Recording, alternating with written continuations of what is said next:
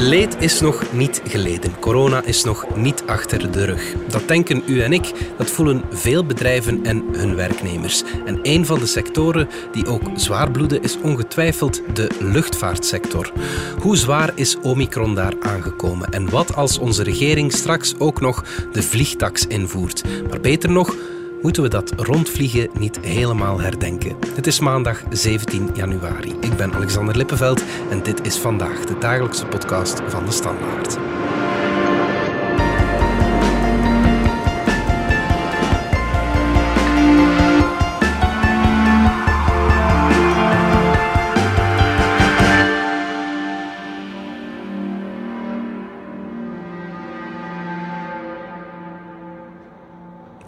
Corneel Delbeke van onze economie-redactie. Jij volgt de luchtvaartsector en die zit weer in zware papieren. Hè?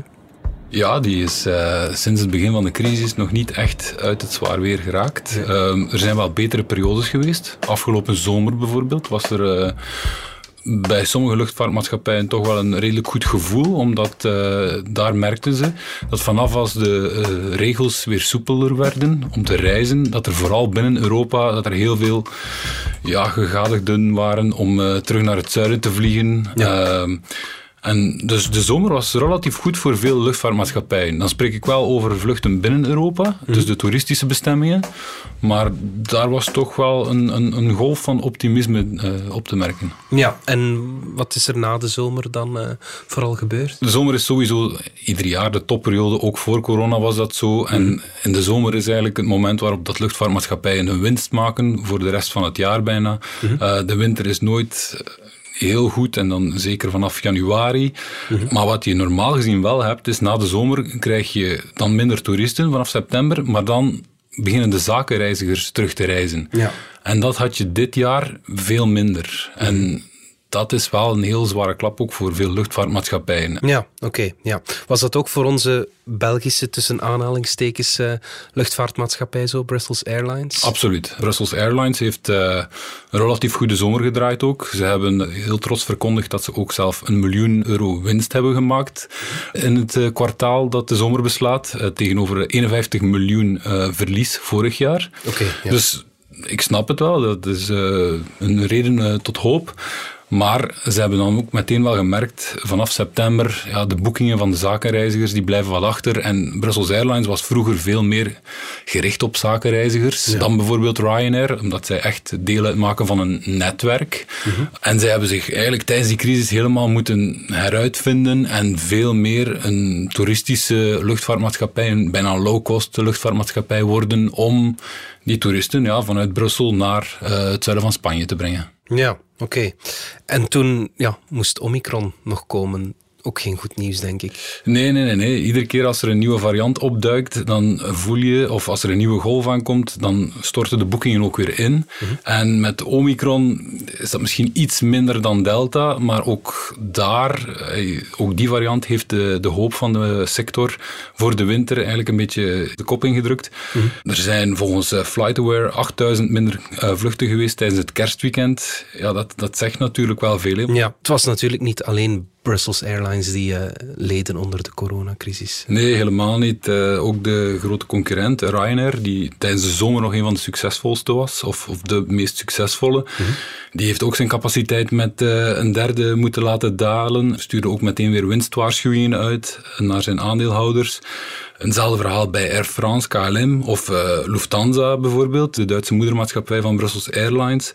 Ja, daar heeft de topman Karsten Spoor al gewaarschuwd dat er een zware terugval is in het winterseizoen. Hmm. En hij heeft uh, een paar weken geleden alvast preventief 33.000 vluchten, 10% van uh, zijn volledige aanbod, uh, heeft hij al preventief geschrapt. Oké, okay, dat is wel bijzonder veel. Dit zijn nu allemaal ja, losse voorbeelden die het probleem wel duiden, maar hoe groot was de impact van corona globaal op de luchtvaartsector? Ja, 2021 was echt geen goed jaar en, en misschien nog moeilijker op een manier dan 2020. In 2020 werd alles dichtgegooid. En dan ja, weten luchtvaartmaatschappijen ook waar ze aan toe zijn. Ja. 2021 was met golven, met verstrengingen, versoepelingen, die alles plannen heel moeilijk maakten, waardoor dat er ook ja, de kostenstructuur moeilijker onder controle kan gehouden mhm. worden. Bijvoorbeeld, volgens Eurocontrol, afgelopen jaar zijn er 1,5 miljard mensen minder in een vliegtuig gestapt uh, in Europa. Ja. Hebben we bijna 5 miljoen vluchten minder gehad afgelopen jaar dan normaal. En bij Brussels Airport, als je dat ziet, uh, ja, dan zitten zij nog steeds op iets meer dan 50 procent van de capaciteit of van het aantal passagiers die zij in 2019 konden verwelkomen. Ja, Dus dat, dat blijft heel moeilijk. En, en er zijn altijd wel uitschieters. En, ik zeg het vooral, de zomer en, en de toeristen blijken heel bereid om nog te vliegen. Uh, Spanje is nu bijvoorbeeld het drukst bevlogen land in de EU. Mhm. Terwijl vroeger was dat dan eerder Duitsland. Ja. Maar dat toont ja, hoe dat die shift er gekomen is. En dus ja, een toeristische organisatie zoals Ryanair, die kan eigenlijk beter overleven in het huidige klimaat dan die grote luchtvaartmaatschappijen die het ook moeten hebben van zakenreizigers, van verre vluchten. Hoe kijken de luchtvaartmaatschappijen dan nu naar wat er hen te wachten staat? Ze weten dat de eerste maanden niet veel soep zal zijn. Dus ik denk dat iedereen zijn hoop eh, zet op de zomer. Ja. Natuurlijk, we hebben dat al eerder gehad. Ik weet niet of het gerechtvaardigd zal zijn, die hoop. Vorig jaar was ook iedereen ervan overtuigd dat als die tweede of die derde golf achter de rug was en iedereen gevaccineerd konden weer vliegen, dat blijkt toch allemaal onzekerder. Maar als je nu kijkt naar de luchtvaartorganisaties, zij drukken toch wel echt de hoop uit dat we tegen 2022 weer stilaan, toch tijdens de zomer, naar het niveau van 2019 pre-corona kunnen gaan. Ja, en gaan we ze daarvoor nog een extra zak geld moeten toestoppen? Want in 2020 uh, kregen onder meer Brussels Airlines overheidssteun. Ja, Brussels Airlines heeft in 2020, uh, dus echt in het eerste jaar van corona, hebben die 290 miljoen gekregen van de federale overheid. Dat is niet uh, Dat is niet weinig. En zij zeggen voorlopig nog dat het voldoende zal blijken. De zomer viel dus beter mee dan dat iedereen gehoopt had. Mhm. Maar natuurlijk, ja, na die zomer komt nu weer een veel moeilijkere winter. En vanaf als de opstart weer begint, ja, dan gaan de kosten ook hoger zijn. Het is eigenlijk koffiedik kijken. Ja. Brussels Airlines zal zeggen dat ze er zeker mee toekomen. Maar op dit moment kan niemand dat voorspellen.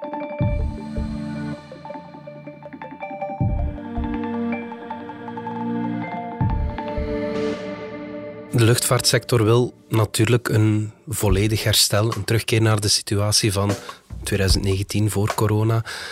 De vraag is, Corneel, willen we dat wel als maatschappij, zeg maar, in tijden van klimaatverandering? Het is in ieder geval een, een heel grote uitdaging om die, vooral die groei en, uh, van, van de luchtvaart voor corona om die te verzoenen met ons klimaatbeleid. Mm -hmm. Voor corona groeide de luchtvaart aan een rato van uh, ongeveer 5% per jaar. Mm -hmm. Dus dat wil zeggen dat het tegen 2035 ongeveer uh, dat het aantal passagiers zou verdubbelen. Ja.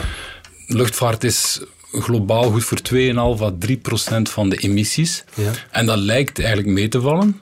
Maar je moet wel weten, door die groei, andere sectoren die zijn ondertussen aan het afbouwen, die emissies, zijn ze aan het afbouwen. Terwijl bij de luchtvaart groeit dat heel snel. En bijvoorbeeld uh, de Imperial College van Londen, die heeft uitgerekend, als wij, zoals onze doelstelling van de wereld, onze klimaatopwarming willen beperken tot anderhalve graad ja. in uh, eh, 2050, ja, dan hebben we nog een koolstofbudget dat ons rest, dat we nog mogen uitstoten, een, een x-aantal emissies. Mhm. En de luchtvaart zou aan zijn huidige scenario, zou daar eigenlijk tegen 2050 een kwart van uitgestoten hebben. Ja. Een kwart van voor zijn rekening genomen hebben. Dus dat, ja. ja dat is een gigantische hap uit wat ons nog rest. Ja. Dus vooral die groei van die luchtvaart, die baart ons echt zorgen. Of toch vooral de klimaatwetenschappers. Ja. Terwijl ook een, een groot deel van die vluchten ja, vaak overbodig zijn. Hè. Zeker nu, we hebben bewezen dat we ook op lange afstand kunnen uh, onderhandelen, bijvoorbeeld. Maar ja, als je, uh, inderdaad, er zijn heel veel bedrijven die tijdens de pandemie de oefening gemaakt hebben. Ja, zeker die interne meetings, moeten we daarvoor even naar uh, San Francisco, naar LA, naar New York vliegen. Ja. Terwijl we het via Zoom ook kunnen.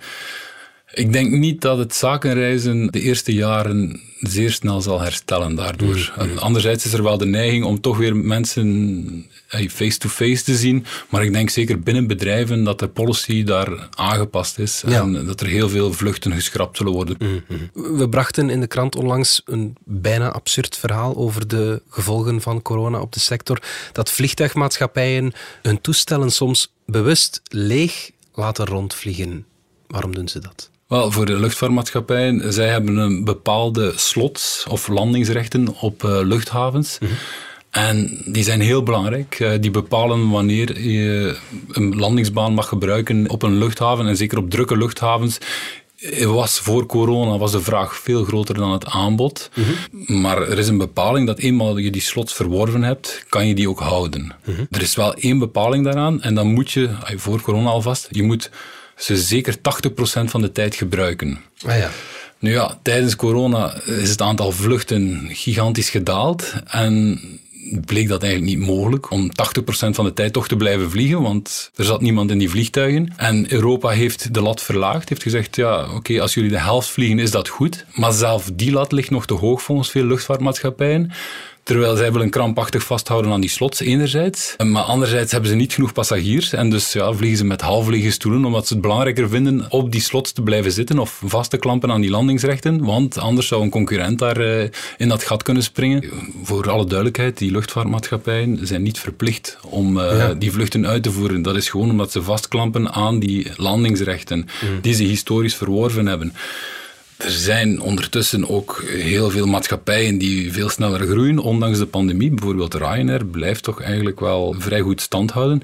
Zij zouden ook graag op die goede uren vliegen vanuit die drukke luchthavens. En, en dat is de vraag natuurlijk, van ja, hoe lang kan je die rechten, hoe lang blijf je die rechten behouden, uh, ook als je ze niet gebruikt? We horen Georges Gilquinet, minister van Mobiliteit van Ecolo, en hij pleit er alvast voor om geen lege vluchten de lucht in te sturen.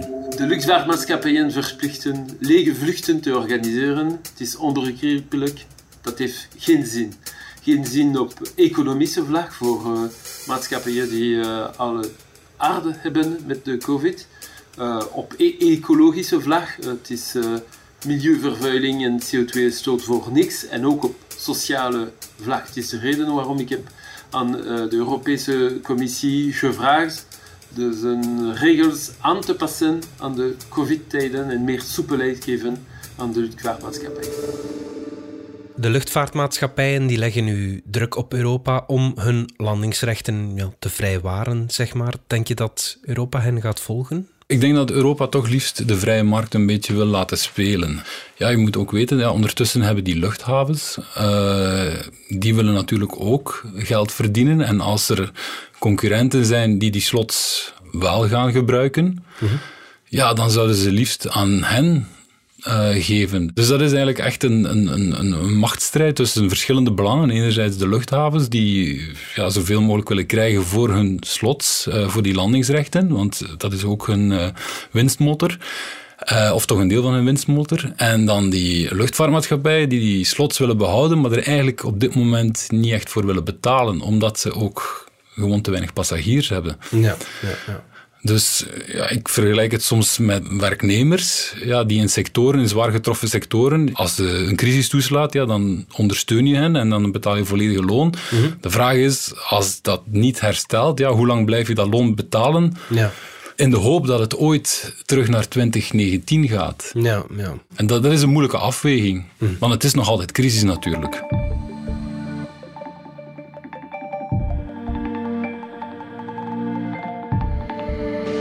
Sommigen vinden dat de luchtvaartsector te veel een hand boven het hoofd gehouden wordt. Zo betalen ze amper belastingen.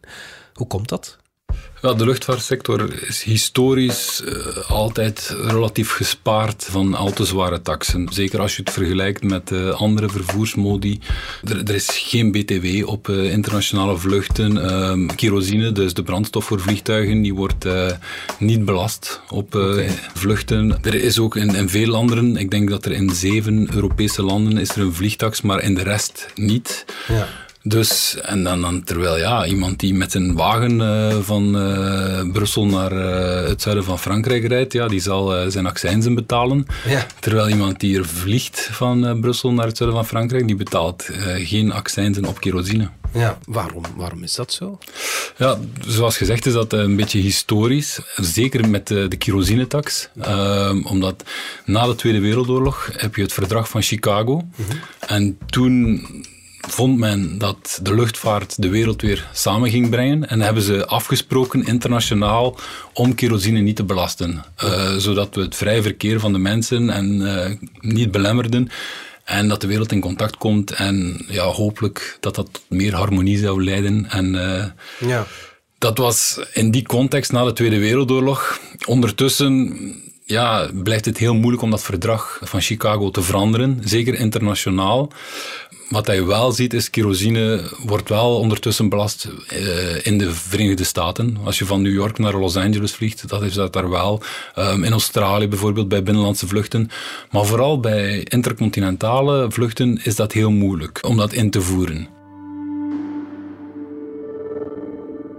We zijn terug na de reclame. Je overweegt een elektrische of hybride wagen? Luister dan naar Plan Elektrisch Rijden. Een podcast waarin actrice en Joe DJ Elke van Mello... Ik ben weg. ...op onderzoek gaat.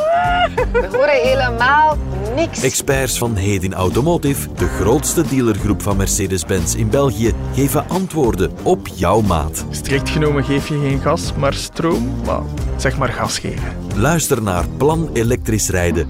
Oké, helder. Merci. Je raakt het al even aan, die vliegtax. Onze regering overweegt dat ook. Enerzijds om de schatkist te spijzen, anderzijds om het gebruik van de luchtvaart wat te sturen. Hoe zou die eruit zien bij ons? Dat is nog niet helemaal duidelijk, maar die zou in de eerste plaats een beetje korte vluchten uh, uh, in het vizier nemen. Wat we zeker weten is dat die ongeveer 30 miljoen zou moeten opbrengen per jaar. En het eerste voorstel uh, van minister van Financiën van PTM spreekt over 10 euro voor wie minder dan 500 kilometer ver vliegt. Mhm. Voor 2 euro wie verder vliegt binnen uh, Europa. En je zou dan uiteindelijk 4 euro betalen als je een vlucht van, naar de Verenigde Staten neemt, bijvoorbeeld. Een intercontinentale vlucht. Ja, dat is peanuts. Hè? Dat is zeker niet veel. Um, maar natuurlijk, ja, het is een zeer concurrentiële sector. Zeker binnen Europa krijg je echt die prijsvechters. En misschien dat het daar een klein beetje effect zou hebben. Maar ik denk dat het toch vooral een budgettaire maatregel is. Ja. En misschien ook een symbolische voor het klimaat. Ja, ze viseren toch vooral de korte vluchten, terwijl die qua uitstoot er toch minder toe doen dan die lange vluchten. Hè? Ja, dat is, eh, die korte vluchten, dat is natuurlijk ook symbolisch heel krachtig. Als je inderdaad naar de cijfers kijkt, dan, dan zie je dat de helft van de uitstoot komt van de 6% langste vluchten. Dus eh, daar zit het gros van de uitstoot. Het gros van de emissies zit in die intercontinentale luchtvaart. Anderzijds, ja, Joris Melkert van de TU Delft, eh, de grote luchtvaartexpert van Nederland, zei mij ook, ja vluchten onder de 500, ergens is dat ook waanzin. Hè? Want het is wel zo, op individueel niveau dat bij die korte vluchten, ja, dan, dan is uw verbruik, uw ecologische voetafdruk is wel heel groot. Hè. Ehm, op macroniveau zit het inderdaad in de intercontinentale vluchten, maar iemand die een korte vlucht neemt, van, Brussel naar Amsterdam bijvoorbeeld. Daar is een perfect alternatief voor. Daar is een alternatief voor. En eigenlijk is dat een beetje waanzin. Ook uh, Arno Feist, de luchthavenbaas van Brussels Airport, heeft al gezegd, eigenlijk zouden die korte vluchten eruit mogen. Ja, ja, ja. Dus symbolisch is dat een heel krachtige maatregel. We zullen er weinig emissies mee sparen. Maar ik snap wel dat ze niet buiten schot kunnen blijven. Ja, we kunnen ze nu weg willen, maar zijn die alternatieven echt toereikend?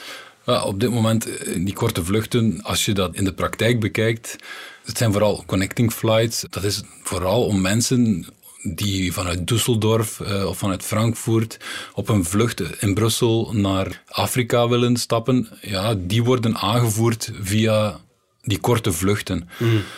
En het is natuurlijk zo, ja, dan moeten er ook wel ergens alternatieven zijn, want er is geen hogesnelheidstrein in uh, Brussels Airport. Mhm. En als je dan vanuit Düsseldorf bijvoorbeeld eerst naar Brussel-Zuid moet sporen, wat kan, maar dan moet je daar nog eens overstappen met je bagage op een gewone trein.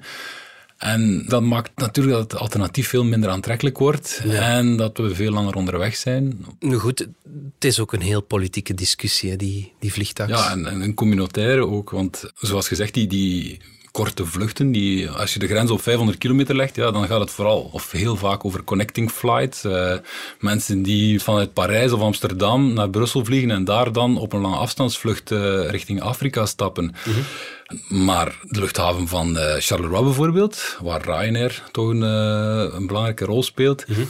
De vluchten daar worden niet getroffen door die vliegtax. Dus ja, dat is een beetje absurd, want daar zit dan vooral de, de toeristische uh, verkeer. Ja. Waarvan je ook kan afvragen of dat uh, zo duurzaam is natuurlijk. En dus ja, je, je merkt dat ja, Zaventem wordt nu heel erg geraakt en dat ligt natuurlijk gevoelig. En, en zeker als Charleroi uh, buiten schot blijft.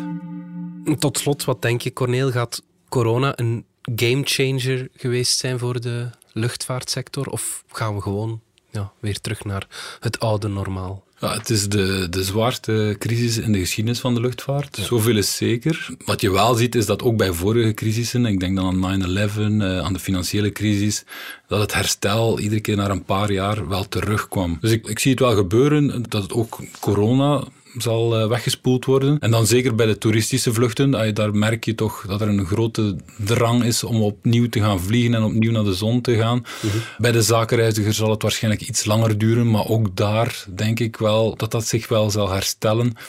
Dus ja, dan is een beetje de vraag, als we niets doen, dan zitten we volgens mij binnen een paar jaar weer op het groeischema van voor de crisis. Uh -huh.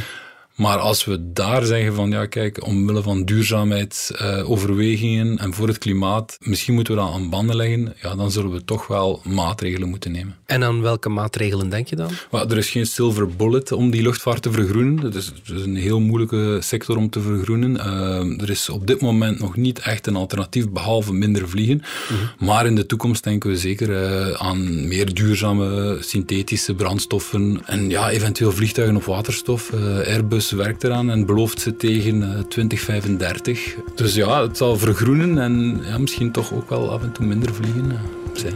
Goed, Cornel Welbeke, dankjewel. Graag gedaan. Dit was vandaag de dagelijkse podcast van de Standaard. Bedankt voor het luisteren. Ken je trouwens DS Podcast al, de podcast-app van de Standaard? Daar luister je niet alleen naar onze journalistieke reeksen, je krijgt ook elke week een eigenhandige selectie van de beste nieuwe podcasts op de markt. Alle credits van de podcast die je net hoorde vind je op standaard.be-podcast. Reageren kan via podcast.standaard.be. Morgen zijn we opnieuw.